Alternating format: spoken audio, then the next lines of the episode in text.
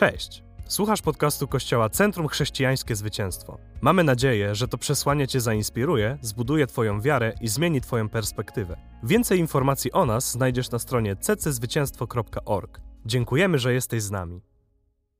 Okej, okay, kochani. Um, takie pytanie retoryczne. Nie spodziewam się odpowiedzi ale niech te odpowiedzi będą gdzieś w Was. Jak się czujecie z tym, że najpierw jest słowo, a później uwielbienie? Okej. Okay. Więc nikt się nie spóźni na uwielbienie. Na głoszone Słowo Boże też nie wypada się spóźniać, czy nie?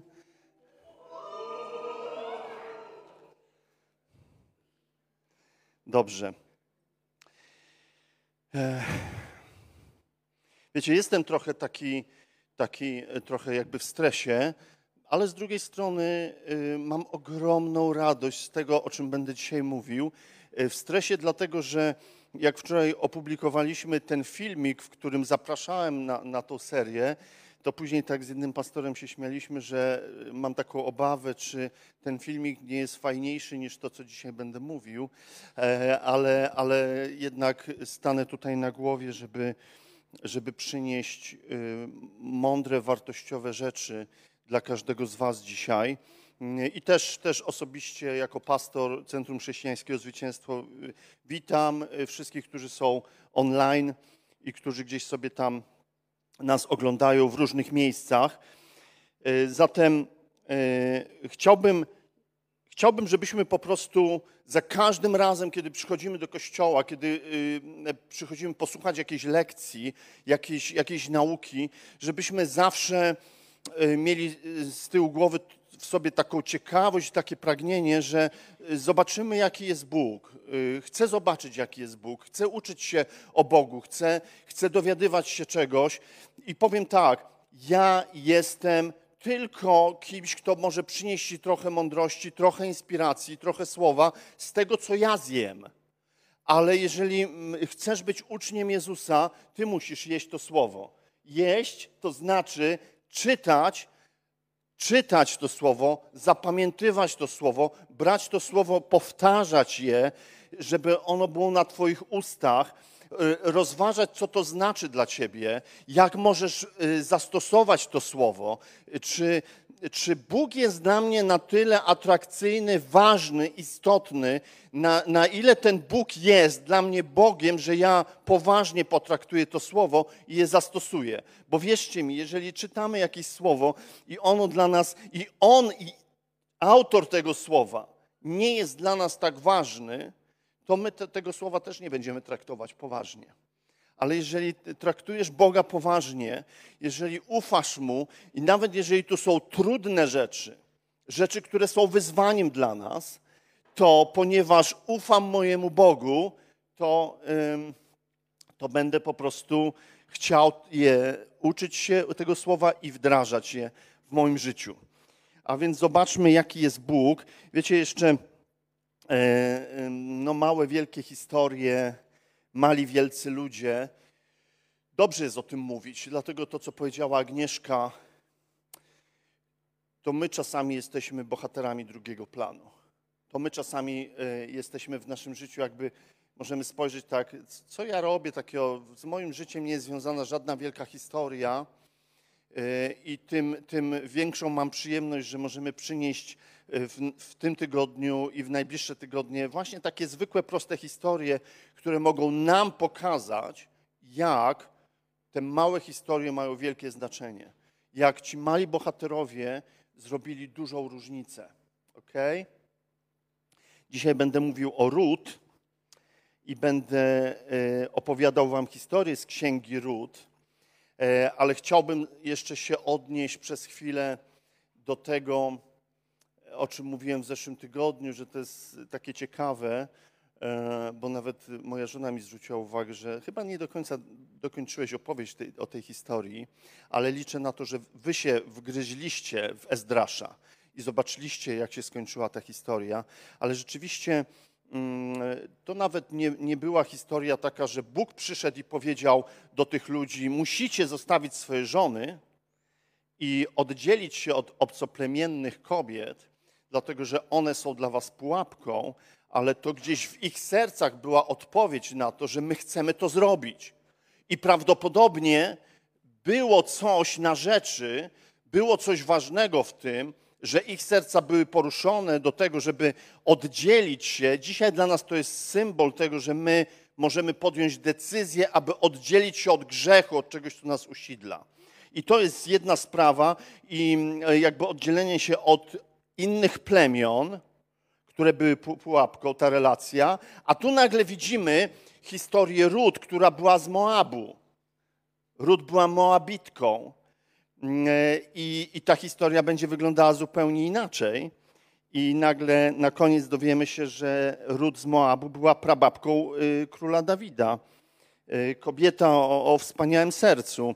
I myślę sobie, że jak patrzę na te różne historie, potem przypomniał mi się jeszcze Jonasz.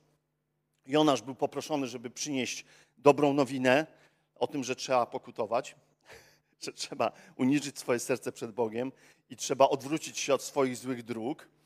E, ten Jonasz został poproszony, żeby pójść do tego miasta, które było pełne grzechu i obrzydliwości. I Bóg powiedział: To miasto jest dla mnie ważne. Ci ludzie, którzy tam mieszkają, są dla mnie ważni. I zobaczcie, że jeżeli my będziemy brać Słowo Boże wycinkowo i literalnie, możemy rozminąć się z Bożym sercem.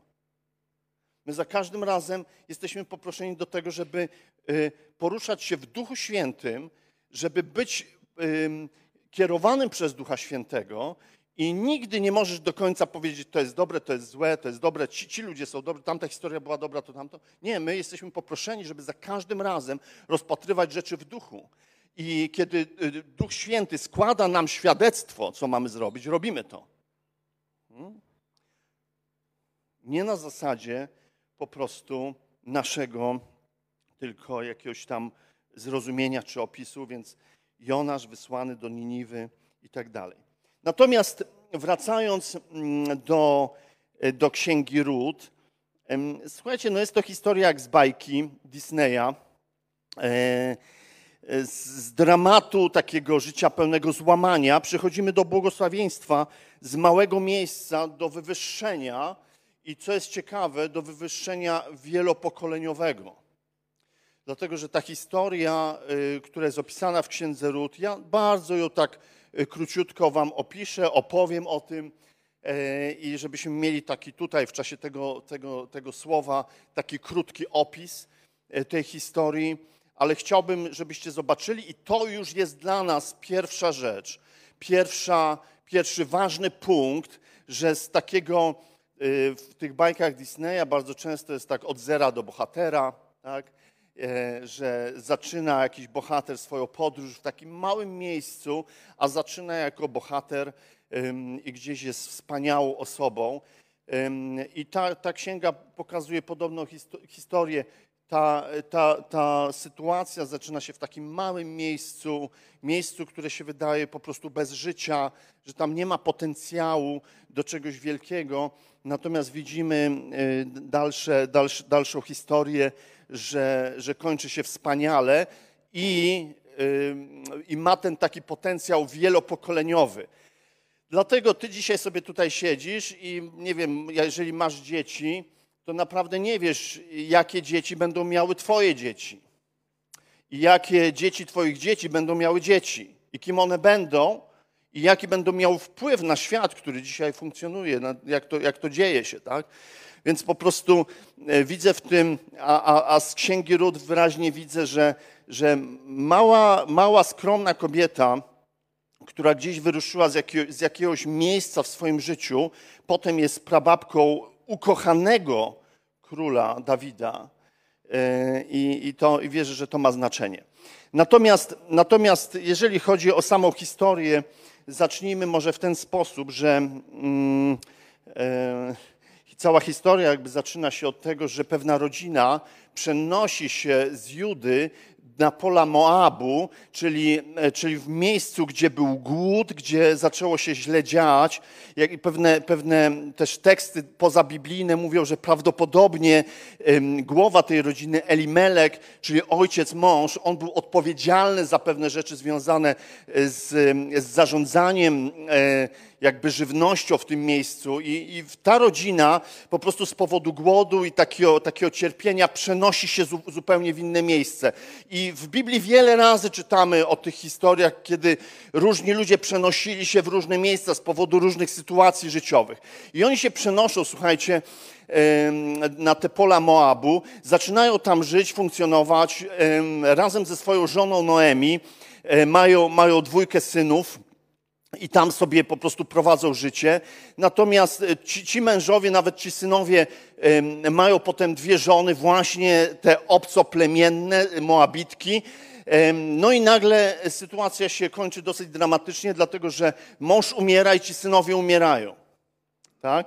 Ciekawe jest to, że e, myślę, że warto o tym wspomnieć, dlatego że jak spojrzymy sobie na, na znaczenia symboliczne, E, ich imion. Elimelek oznacza mój Bóg jest królem, Noemi oznacza moja słodycz albo też ukochana. Ona sama o sobie mówi później, kiedy wraca już do rodzinnego miasta, mówi nie mówcie więcej na mnie ukochana, mm, e, czyli Noemi. Wiecie, ale ciekawe jest to, że ci dwaj synowie, Machlon i Kilion, wiecie, ich imiona oznaczają choroba i zniszczenie. To jest ciekawe. Czy dałbyś swojemu synowi na imię Wątły a? albo Słabeusz. Wiecie, to jest, to jest ciekawe, dlatego że, ale, ale o tym czytamy w Słowie i, i za chwilę będę opowiadał y, kolejne, kolejne pewne znaczenia. I teraz tak, ci synowie umierają ym, i Noemi postanawia już się dowiaduje, że tam, gdzie mieszka, czyli w Betlejem, które oznacza swoją drogą dom chleba, wiecie, że tam zaczyna się poprawiać, że jest inna sytuacja. Po tych dziesięciu latach tej tułaczki na wygnaniu, ona postanawia wrócić do swojego rodzinnego domu, bo lepiej, żeby było źle, ale w miejscu, które znam. Tak? Więc wracają tam i po drodze idzie z tymi dwoma swoimi synowymi. Jedna ma na imię Orpa, druga właśnie Rut, e, która jest bohaterką dzisiejszego, dzisiejszego kazania. E, I, I też dowiadujemy się, że, że po prostu Orpa oznacza twardego karku. Natomiast Rut, jej znaczenie tego imienia oznacza przyjaciółka, ktoś, kto jest takim wsparciem. I to jest ciekawe, bo to cała, cała historia się układa i kiedy Noemi mówi tak, już, już po prostu nie idźcie więcej ze mną, y, chcę sama wrócić, wyjdźcie do, swojej, do domu swojej matki i tak dalej, i tak dalej. Wtedy właśnie Orpa się odwraca, mówi tak, ja wracam do siebie, ale Rut mówi takie znamienne y, słowa, Rut jednak do niej przylgnęła, to opisuje Słowo Boże, i Noemi dalej ją przekonuje, słuchaj, nic ze mną nie będziesz miała po prostu. E, jestem w beznadziejnej sytuacji, jestem stara, nic nie mam, nie mam ci nic do zaoferowania, ale widocznie przez te 10 lat w tym Moabie coś się stało między nimi, jakaś nastąpiła relacja, że gdzieś przylgnęły do siebie i ta Rut mówi, jest, jest to pięknie opisane, że wiecie, ta Rut, Rut ona ma pewnego rodzaju szlachetne, wspaniałe serce. Serce i ta, i ta wspaniałość serca, uważaj, to, myślę, że to jest istotne. Ta wspaniałość serca no, niesie w sobie potencjał do odbudowy życia. Chcę zwrócić Wam na to uwagę, że wspaniałość serca, jeżeli ja miałbym coś wziąć z tej historii, to widzę, że wspaniałość serca, w której, w tej, jeżeli my się poruszamy w naszym życiu, w tej wspaniałości serca, w takiej szlachetności, w dobroci serca, to w tym niesie, to niesie potencjał do odbudowy życia i my potem w kolejnych rozdziałach widzimy odbudowane życie. My widzimy odbudowane życie Noemi, bo wiecie, niektórzy mówią, że no, Noemi to jest taki wzór teściowej, bo ona potrafiła tam ogarnąć temat, wysłała ją do tego chłopa, no idź tam, zobacz, może, może się mu spodobasz, być może to jest świetny podręcznik, jak wyjść za mąż, nie wiem, słuchajcie, ale ta teściowa jest taka, ale jednak w jakiś sposób myślę sobie, że Noemi mm, nie jest dla mnie aż tak interesująca. Dlatego, nie dlatego, że jest starszą kobietą, ale dlatego, że ona jest poruszana przez okoliczności. Kiedy było ciężko w Betlejem, ona się przeniosła do Moabu. Kiedy w Moabie było ciężko, ona się przeniosła do Betlejem. Ona powiedziała tak, nic mnie już nie spotka. Nie widzę żadnego potencjału w tym życiu, więc po prostu możecie mnie wszyscy opuścić i dopiero, a kiedy zaczęło być dobrze, no to ona była szczęśliwa. Ja bym na to uważał. Ja bym uważał na prowadzenie swojego życia w taki, poprzez okoliczności. Czyli po prostu nawet jak przyjdziesz tu do kościoła, akurat masz świetną pracę, to po prostu będziesz wyglądał na uśmiechniętego, kiedy po prostu będzie ci ciężko, będziesz wyglądał, że po prostu wszystko się zawaliło. I to zawsze jest pytanie o to, gdzie jest mój Bóg i gdzie Bóg jest we mnie i, i w moim życiu. Na ile ja jestem przyłączony do Boga i, do, i jestem jakby, idę ramię w ramię z Nim. Myślę, że to rozumiecie, o czym ja mówię.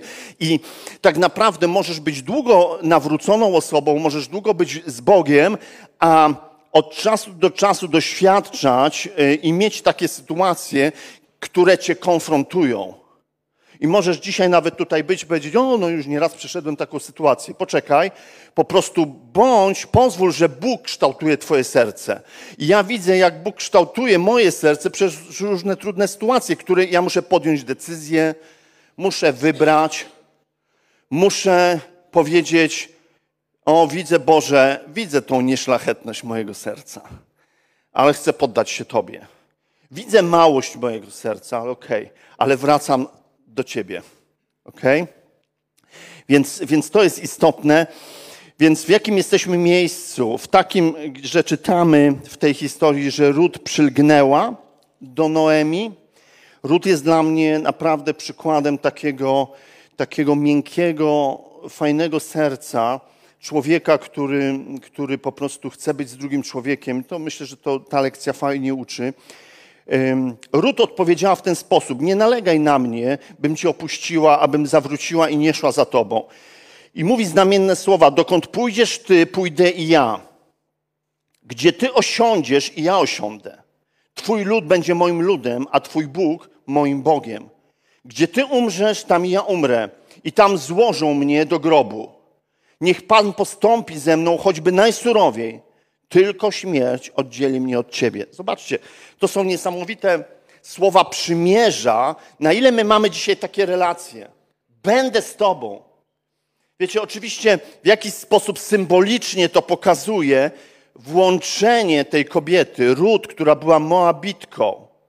Uważaj, była Moabitką, gdzie Księga Powtórzonego Prawa mówi, że Moabita nie wejdzie do świątyni Pana, do dziesiątego pokolenia i na wieki.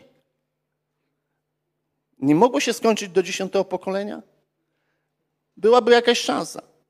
Ale jest powiedziane, nie wejdzie do dziesiątego pokolenia i na wieki. Nie wejdzie. A tutaj widzimy ród, która była z rodu Moaba i ona, ona weszła pod skrzydła Najwyższego. Pod skrzydła Boga weszła przez uniżenie, przez takie. Twój Bóg będzie moim Bogiem od dzisiaj. Twój lud będzie moim ludem. Wiecie, to są bardzo ciekawe relacje, e, że e, wyobrażam sobie, że my w kościele mamy takie relacje. Że nie mamy relacji na zasadzie, jestem podejrzliwy. Ja nie wiem, czy ja mogę Ci zaufać. Ale że ale że to jest mój lud, to jest, to jest moja rodzina. E, rodziny się nie wybiera. Prawdopodobnie tutaj gdzieś w nawiasie było, wiem, wiem, może być ciężko. Idziesz za okolicznościami, jesteś stara, nie ma potencjału, ale będę cię kochać. Będę z tobą. Przemyślenia zostawiam wam, bo nie ma sensu, żebym ja mówił o wszystkich przemyśleniach bo macie dużo bogatsze niż moje. Po prostu pomyślcie o tym. To jest bardzo ciekawe. I ona, ona wchodzi w to, w to przymierze. Mm, I co jest ciekawe, myślę, że warto o tym wspomnieć, że Moab oznacza bezpłodność. Moab oznacza bezpłodność, a więc można powiedzieć, że Rut odwraca się od bogów Moabu, by zwrócić się do Boga życia. Widzicie to? Wiecie, powiem wam tak, y, w tle rozgrywa się jakby wielka historia. Dlatego, że w Moabie y, wiele lat wcześniej wydarzyła się pewna sytuacja. Kiedy Lot uciekał ze swoimi córkami, one powiedziały tak, no nie ma tu chłopa, z którym moglibyśmy mieć relację w ten sposób. Więc coś zrobiły z tym ojcem takiego, że miały z nim tą relację. A więc, a więc Moab oznacza też ten grzech kazirodztwa. I wiecie, i i, dla, I, to jest w ogóle ciekawe, bo to jest tak dużo symboliki tam jest, że ten Elimelek z synami, czy, czy ten ród męski, oni się przenoszą tam i oni nagle, wiecie, są bezpłodni, oni po prostu umierają tam i, i, i ród po prostu ucieka stamtąd, z tego życia, z tego życia bez życia. I e, Orpa, która e, jej imię oznacza twardego karku, ona mówi, nie, właśnie będę tam żyła czy wiesz, że możesz być w swoim życiu twardego karku? Że możesz być w rzeczach, które nie przynoszą totalnie życia, ale ty mówisz do siebie, ale, ale ja w nich będę. Wiecie, i Słowo Boże cały czas mówi przez całą Biblię o tym, abyśmy byli uniżonego karku, abyśmy mieli uniżone serce, abyśmy wystrzegali się tej postawy twardego karku. I kiedy czytamy Biblię, to my czytamy o Izraelitach, że oni mieli twardego, twardy kark, że ciągle Bóg ich za to karał i karcił i smagał ich. I my sobie mówimy tak w domu, halleluja. Dobrze, że ja nie jestem twardego karku. A! Powtarzaj tak sobie. Ja nie wiem, czy coś z tego będzie. To jest tak, jak śmieją się, że ten dowcip taki y, charyzmatyczny, że taki charyzmatyczny wierzący siedzi w piekle, w smole i mówi: Mnie tu nie ma, mnie tu nie ma, mnie tu nie ma, halleluja, mnie tu nie ma. Jestem w innym miejscu w tym czasie. Taki sucharek, sucharek, tak? ale może trzeba kiedyś powiedzieć nauczanie, jak dobry suchar może doprowadzić cię do zbawienia. E, I powinniśmy czasami mieć pewne obrazy takie w głowie. Kociołek, smoła, ja i wyznający ja nie chcę tego. Wiecie, chcę mieć miękkie serce, chcę uczyć się z tej historii o Rut, że ona miała miękkie serce, ona z tej kultury śmierci, ona z kultury bezprawia, z kultury bezpłodności, ona ucieka i chowa się pod skrzydła Najwyższego, który jest Panem życia. Wiecie, to jest tak ekscytujące, że z tej historii możemy widzieć takie rzeczy. Przyjrzyj się swojemu życiu. Przecież ja ci nie przyjdę i nie powiem, tu robisz źle, tu i tu, bo to nie jest moja rola. To jest rola Ducha Świętego, żeby cię wziąć w pewną podróż, w której ty powiesz: Tego nie chcę, tego nie chcę, tego nie chcę więcej w moim życiu, bo mój Pan ma życie. Bo mój Bóg jest królem i Panem życia.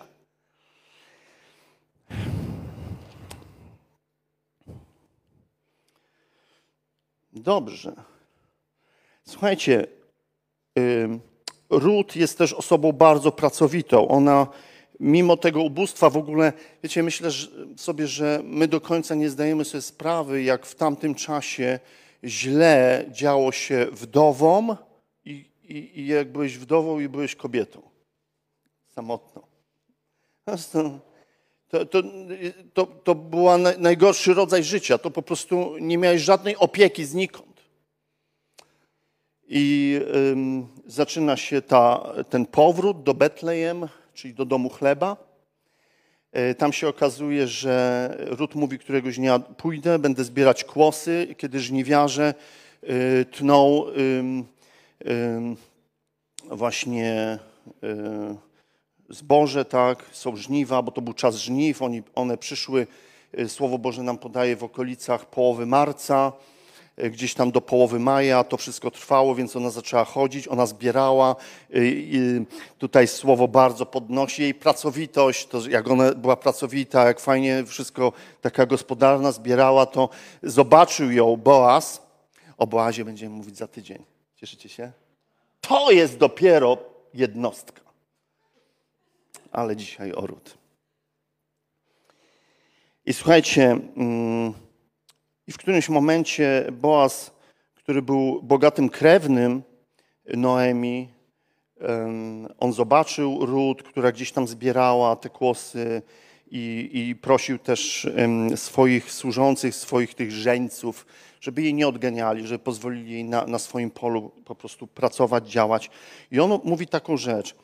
Opowiedziano mi dokładnie o tym, jak postąpiłaś ze swoją teściową po śmierci swojego męża. Wiem, że opuściłaś swojego ojca, matkę, ojczyznę i postanowiłaś udać się do ludu, którego wcześniej nie znałaś. Niech ci Pan wynagrodzi Twój czyn, niech Pan Bóg Izraela, do, pod którego skrzydła przyszłaś się schronić, da Ci pełną odpłatę. To jest niesamowite, to jest niesamowite błogosławieństwo. Wiecie, w taki sposób powinniśmy błogosławić każdego, kto, kto się nawraca, kto przychodzi pod skrzydła Najwyższego, kto jest po prostu, kto kocha Pana i, i rozpoczyna swoją nową, nową drogę. To jest, to jest wspaniałe. I teraz zaczyna się cała historia, potem relacji Rut z Boazem.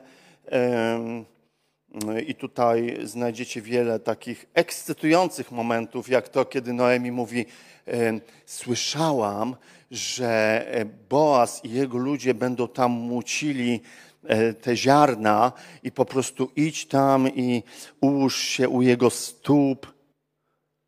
Wiecie, my czasami możemy czytać sobie te historie, ale to jest naprawdę piękna historia, dlatego że to, to, był taki zwyczaj i też tradycja, kiedy ona przyszła rzeczywiście tam, pokręciła się, pokręciła się trochę i ułożyła się tak, wiecie, u stóp, gdzieś tam jak Boaz sobie zasnął, ona się tam położyła i kiedy on wstał, mówi, o, to jest wielkie błogosławieństwo tak naprawdę, ale to jest symboliczny obraz, dlatego że on wziął skraj swojej szaty i jakby nałożył na nią, co w tradycji oznaczało małżeństwo, zawarcia małżeństwa. I wiecie, nawet y, kiedy czytamy w księdze Ezechiela y, taki, taki piękny obraz, który mówi też do nas w jakiś sposób. W księdze Ezechiela czytamy, że Bóg mówi przez, przez, w taki proroczy sposób do swojego ludu, mówi tak, widziałem Cię,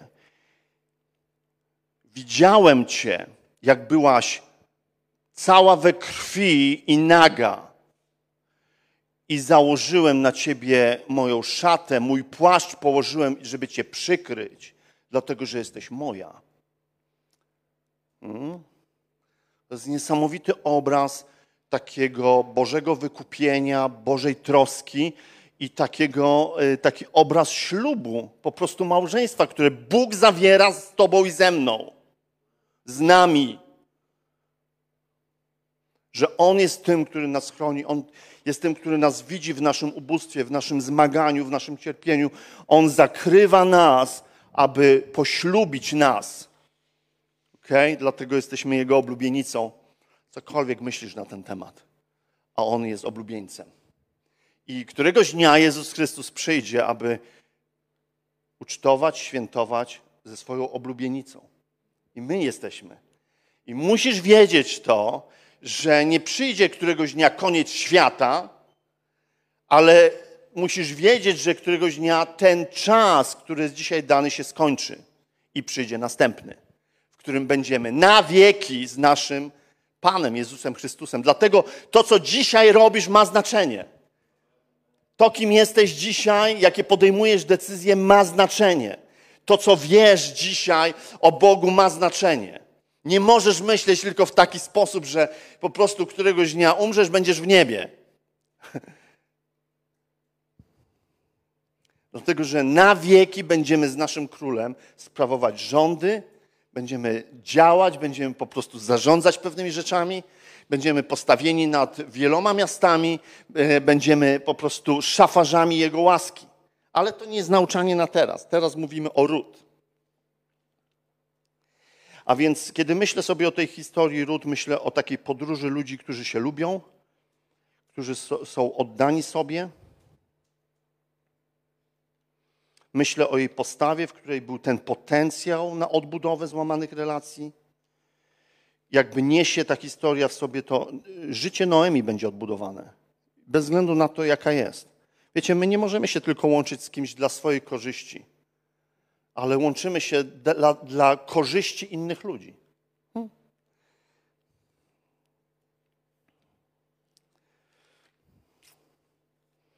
Na koniec chciałbym powiedzieć chyba jedną jeszcze rzecz. O, o takiej drodze przymierza.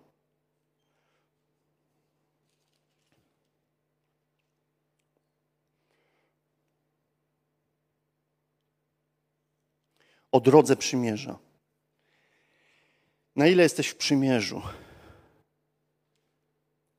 Nikt cię nie zmusi do tego, ale to jest coś, co jest właściwością Twojego serca. Czy jesteś połączony z kimś w taki sposób? Czy jest ktoś, z kim chcesz podróżować? Jakie masz serce w tym? Zobaczcie to, co powiedziałem, że gdyby Kościół był takim miejscem, takiej podróży, że mniej jest nieufności i szukania jakby swoich korzyści, a więcej takiego serca Bożego wyrażonego w przymierzu.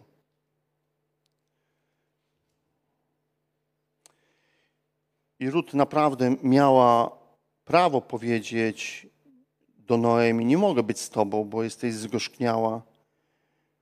Nic dobrego mnie nie spotka przy frustratce. Może się zarażę Twoją złą postawą. Tak, przy kimś, kto jest sfrustrowany, można się tym zarazić. Kiedy spotykasz kogoś, kto ciągle narzeka, możesz po prostu też się stać tym, kto narzeka.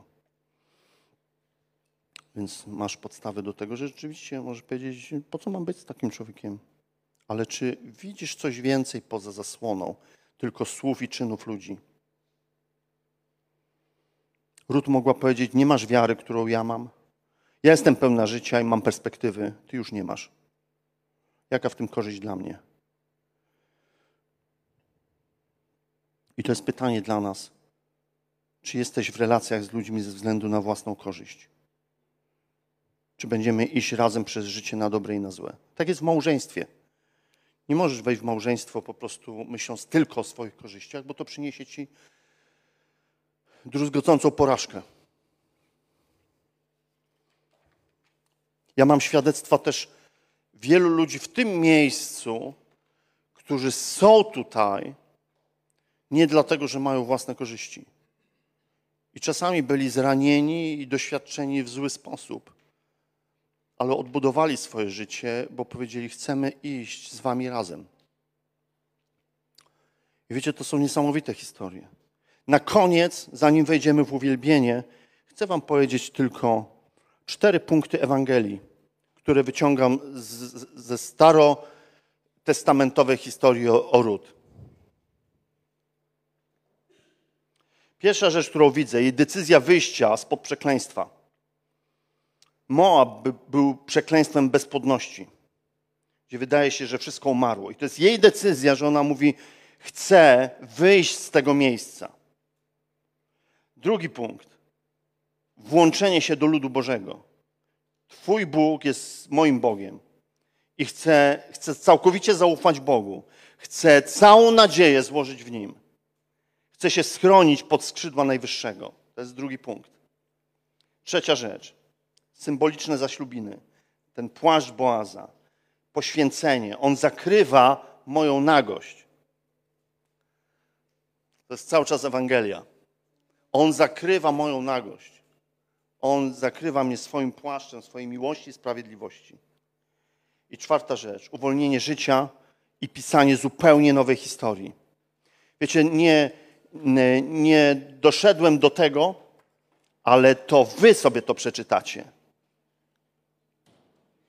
Kiedy czytamy błogosławieństwo, które dostał mąż, jeszcze wtedy nie mąż, ale za chwilę był już mężem, ale Boaz, który poszedł porozmawiać ze starszymi w bramach miasta, oni powiedzieli do niego takie rzeczy.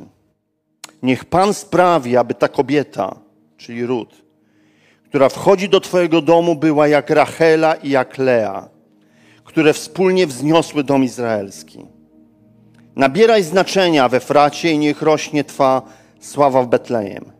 Niech dzięki potomstwu, które da Ci Pan z tej dziewczyny, Twój ród będzie jak ród Peresa, którego Tamar urodziła Judzie.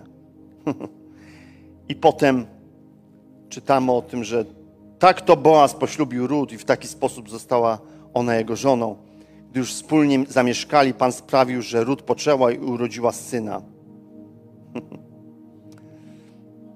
I, I, niesamowite to połączenie z, z życiem Noemi. Wtedy kobiety powiedziały do Noemi: Błogosławiony niech będzie Pan. Nie pozostawił cię on dziś bez wykupiciela. Niech jego imię będzie sławne w Izraelu. Ten chłopiec będzie krzepił Twoją duszę i wspomagał Cię w starości, bo urodziła Ci go synowa, która Cię kocha i która jest dla Ciebie lepsza niż siedmiu synów. Wiecie, decyzja wyjścia spod przekleństwa śmierci, bezpłodności, włączenie się do ludu Bożego, zaślubiny, poświęcenie się Bogu i uwolnienie życia, pisanie nowej historii, to jest to, co odnajduję w tej, w tej małej, prostej historii o Ród i jej narodziny syna. Wiecie, powtarzam to jeszcze raz. Ród była prababką ukochanego króla Dawida. On jest ukochanym królem, on jest symbolem, on jest jakby znakiem tego, co później przyszło.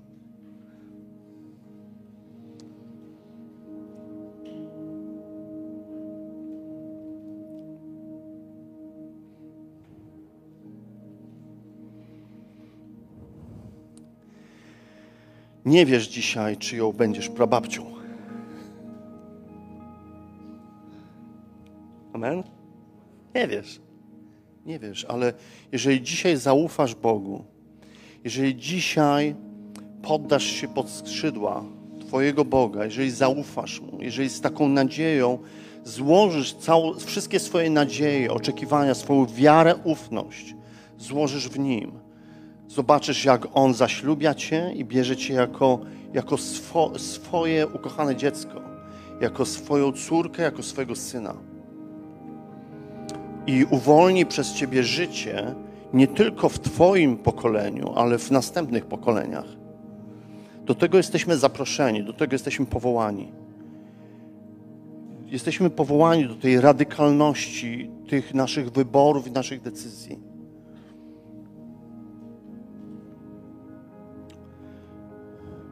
Chciałbym, żebyśmy na chwilę wstali i, i pomodlili się razem.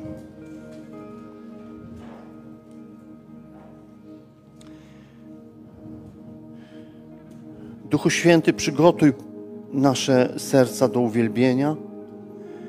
Duchu Święty, przygotuj nasze serca do uwielbienia. Duchu Święty, uwolnij nasze serca w uwielbieniu. Uwolnij nas w oddawaniu chwały Tobie. Duchu Święty,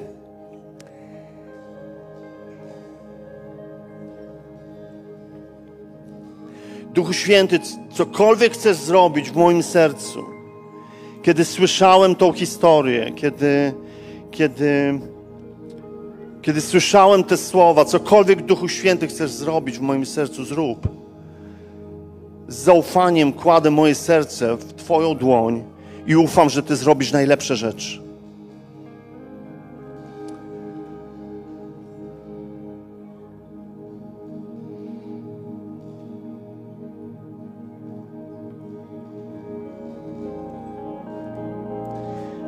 Duchu Święty, chcemy zaufać Tobie całkowicie. Chcemy zaufać Tobie. Chcemy zaufać Tobie. Jeszcze chwilę stójmy w modlitwie. Pozwólmy, aby Duch Święty wykonał pewną pracę w nas.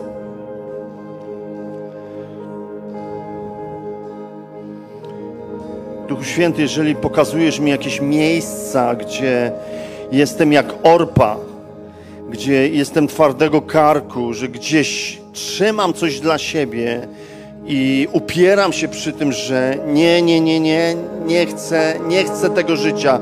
Chcę to stare, chcę to, co, co znam. Panie, proszę Cię, ratuj moje serce. Panie, ja nie potrafię rozprawić się z moim sercem, ale Ty potrafisz. Święty, proszę Cię, poprowadź mi głębiej i dalej w tym.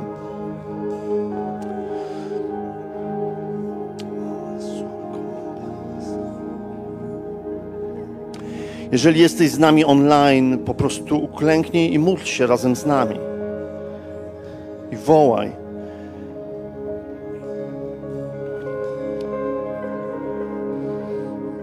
Panie, uwielbiamy Cię. Uwielbiamy Cię, kochamy Cię z całego serca. I chcę wyjść z każdego miejsca, które jest. Chcę wyjść z każdego miejsca, które jest bezpodne. Widzisz, bo tu nie chodzi o, o, tylko o to, że fizycznie, czy ty masz dzieci, czy nie masz, ale są obszary w naszych życiach. Wiecie, ja mam czwórkę dzieci, mam trójkę wnucząt i nadal przyglądam się rzeczom, które nie dają życia, które są częścią mnie.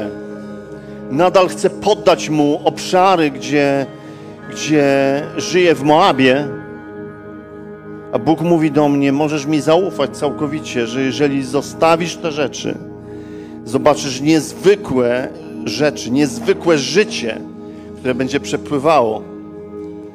Zobaczysz ogromną zmianę. Halleluja! Duchu Święty, jeszcze, jeszcze, jeszcze chcemy dać Ci czas, abyś pracował w naszym wnętrzu, abyś nas przekonywał.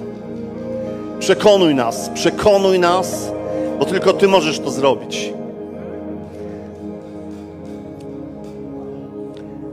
Duchu Święty, przekonuj nas. Ty jesteś naszym trenerem. Jesteś trenerem naszego serca.